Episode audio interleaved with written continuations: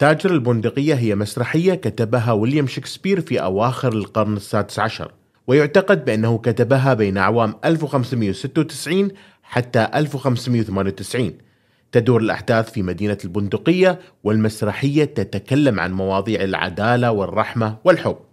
تم عرض المسرحية لأول مرة في عام 1605 وأصبحت من بين أكثر أعمال شكسبير جدلا ومناقشة.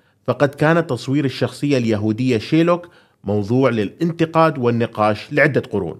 يقول البعض بأن المسرحية معادية للسامية في تصوير شيلوك كمقترض جشع وقاسي في حين يقول الآخرون بأن شكسبير كان يحاول انتقاد المواقف المعادية للسامية السائدة في المجتمع البريطاني. على الرغم من الجدل الذي أحاط بالمسرحية فقد أثرت بشكل كبير في الأدب والثقافة في العالم. فقد تم تكييفها في العديد من الأفلام والإنتاجات المسرحية. اكتشاف المسرحية لمواضيع معقدة ودراسة العلاقة بين العدالة والرحمة ما زالت تلهم الجماهير حتى اليوم. يمكن رؤية تأثيرها في العديد من الأعمال الأدبية والمسرحية والسينمائية حتى اليوم. حلقة اليوم هي تلخيص لمسرحية تاجر البندقية.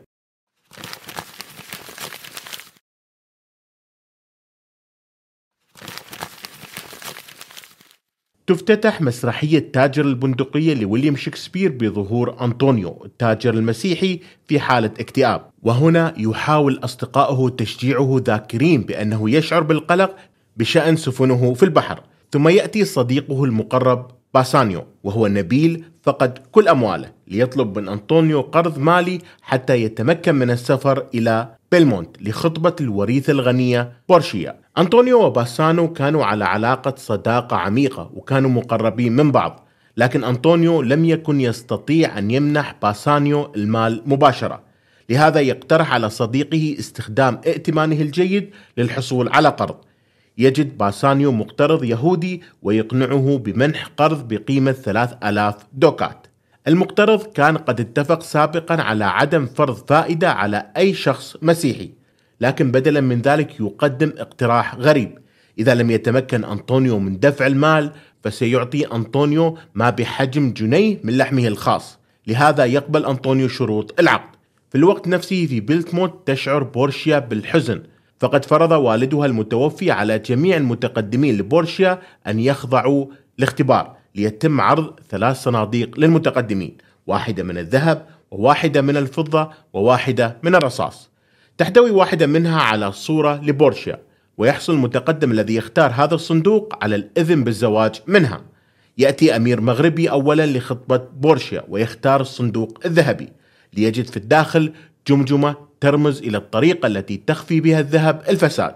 لكن يختار المتقدم التالي الأمير الأرجنتيني الصندوق الفضي والذي يحمل نقش يفيد بأنه سيعطي الرجل ما يستحقه وفي الداخل صورة لأحمر. في الوقت نفسه صنعت ابنة شايلوك جيسيكا خطة للهروب مع رجل مسيحي وهو لورونزو. يخططون للهرب في ليلة واحدة عندما يكون شايلوك خارج المنزل. تقوم جيسيكا بإغلاق المنزل وفي تلك الليلة التي فيها مهرجان في الشارع يقف لورونزو أسفل نافذة جيسيكا مع اثنين من أصدقائه لتخرج جيسيكا مرتدية ملابس صبي وتهرب معه حاملة معها صندوق أموال شيلوك. عندما يكتشف شيلوك أن ابنته قد هربت مع أمواله يغمره الحزن والصدمة. وفي الوقت نفسه تتردد شائعات بأن العديد من سفن أنطونيو قد غرقت وفقدت في البحر. شايلوك يشعر بالسعادة لأنه سيأخذ من لحم أنطونيو الذي يكرهه أساسا شايلوك. وفي الوقت نفسه يصل باسيانو إلى بولتموت مع صديقه غراسيانو. تتذكر بورشيا باسيانو كالجندي الجذاب الذي وقعت في حبه قبل عدة سنوات. يختار باسيانو الصندوق الرصاصي ويجد صورة بورشيا في الداخل. لهذا تهديه بورشيا خاتم الخطوبة. غراسيانو في الوقت نفسه يطلب الزواج من خادمة بورشيا نيريسيا. يتلقى باسيانو رسالة من أنطونيو تفيد بأنه لا يستطيع السداد وأنه قد يخسر من لحمه لتسديد هذا الدين. وهنا تعلم بورشيا بالقصة وتطلب من باسيانو أن يأخذ ستة آلاف دوكات ضعف المبلغ الأصلي المستحق ويعود به إلى البندقية حيث يمكنه الدفع وإلغاء العقد. بعد أن يغادر باسانو وغراسيانو دون علمهما تغادر نيريسيا وبورشيا إلى البندقية متنكرين كرجلين. وفي الوقت نفسه في محكمة العدل طلب الدوق من شيلوك أن يسمح في العقد ويترك أنطونيو يذهب حرا. لكن شيلوك رفض حتى عندما عرض باسانيو المبلغ الأعلى.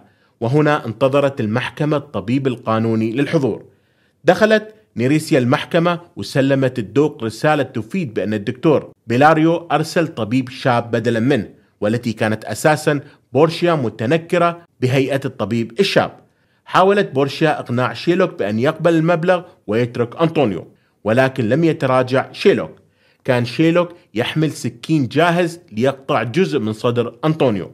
فجأة وقفت بورشيا وقالت بأنه يمكنه الحصول على ما بحجم جنيه من اللحم الذي يريده ولكن لا يمكنه أن يسفك قطرة دم واحدة من أنطونيو ويجب أن يزن اللحم بالضبط حجم جنيه واحد دون زيادة أو نقصان.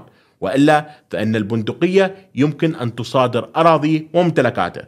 صدم شيلوك من هذه الشروط وانسحب قائلا بأنه سيقبل ثلاث أضعاف المبلغ الأصلي المستحق عليه. لكن بورشيا رفضت وطالبت باللحم من أنطونيو بنفس القوانين التي طرحتها.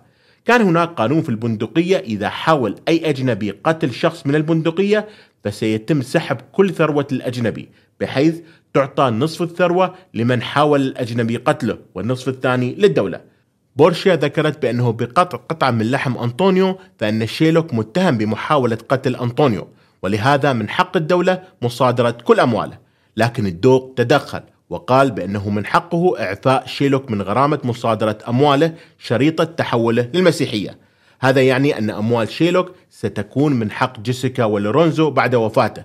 مما يعني بأنه خسر كل شيء. بعد المحاكمة عرض باسانو على الدكتور الشاب والذي كان بورشيا أي شيء يرغب به مقابل عمله في المحاكمة. طلبت بورشيا منه الخاتم. وأنطونيو أقنع باسانو بإعطائه إياها. أيضا طلبت نيريسيا والتي كانت ترتدي زي الكاتب الحصول على خاتمها من غراسيانو وحصلت عليه.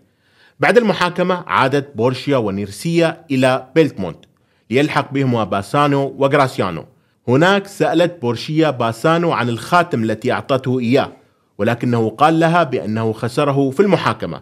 وعندما كشفت بورشيا أخيرا الخاتم لباسيانو صدم برؤيته كنفس الخاتم الذي أعطاه للطبيب الشاب ثم كشفت بورشيا الحقيقة حول مشاركتهم في المحاكمة. لتنتهي المسرحية بزواج لورنزو وجيسيكا ونرسيا وغراسيانو وأيضا بورشيا وباسانيو. لكن أنطونيو بطل القصة عاد لحياته الطبيعية. شاركنا في التعليقات حول رأيك في هذه الحلقة وإذا عجبك محتوانا ادعمنا من خلال الاشتراك وتجد في الوصف رابط لقناة شيء والمتخصصة بالتقنية والبودكاست وركاست ممكن تشوف فيديوهات أخرى من قناتنا والتي تطرح مواضيع حول التاريخ والثقافة.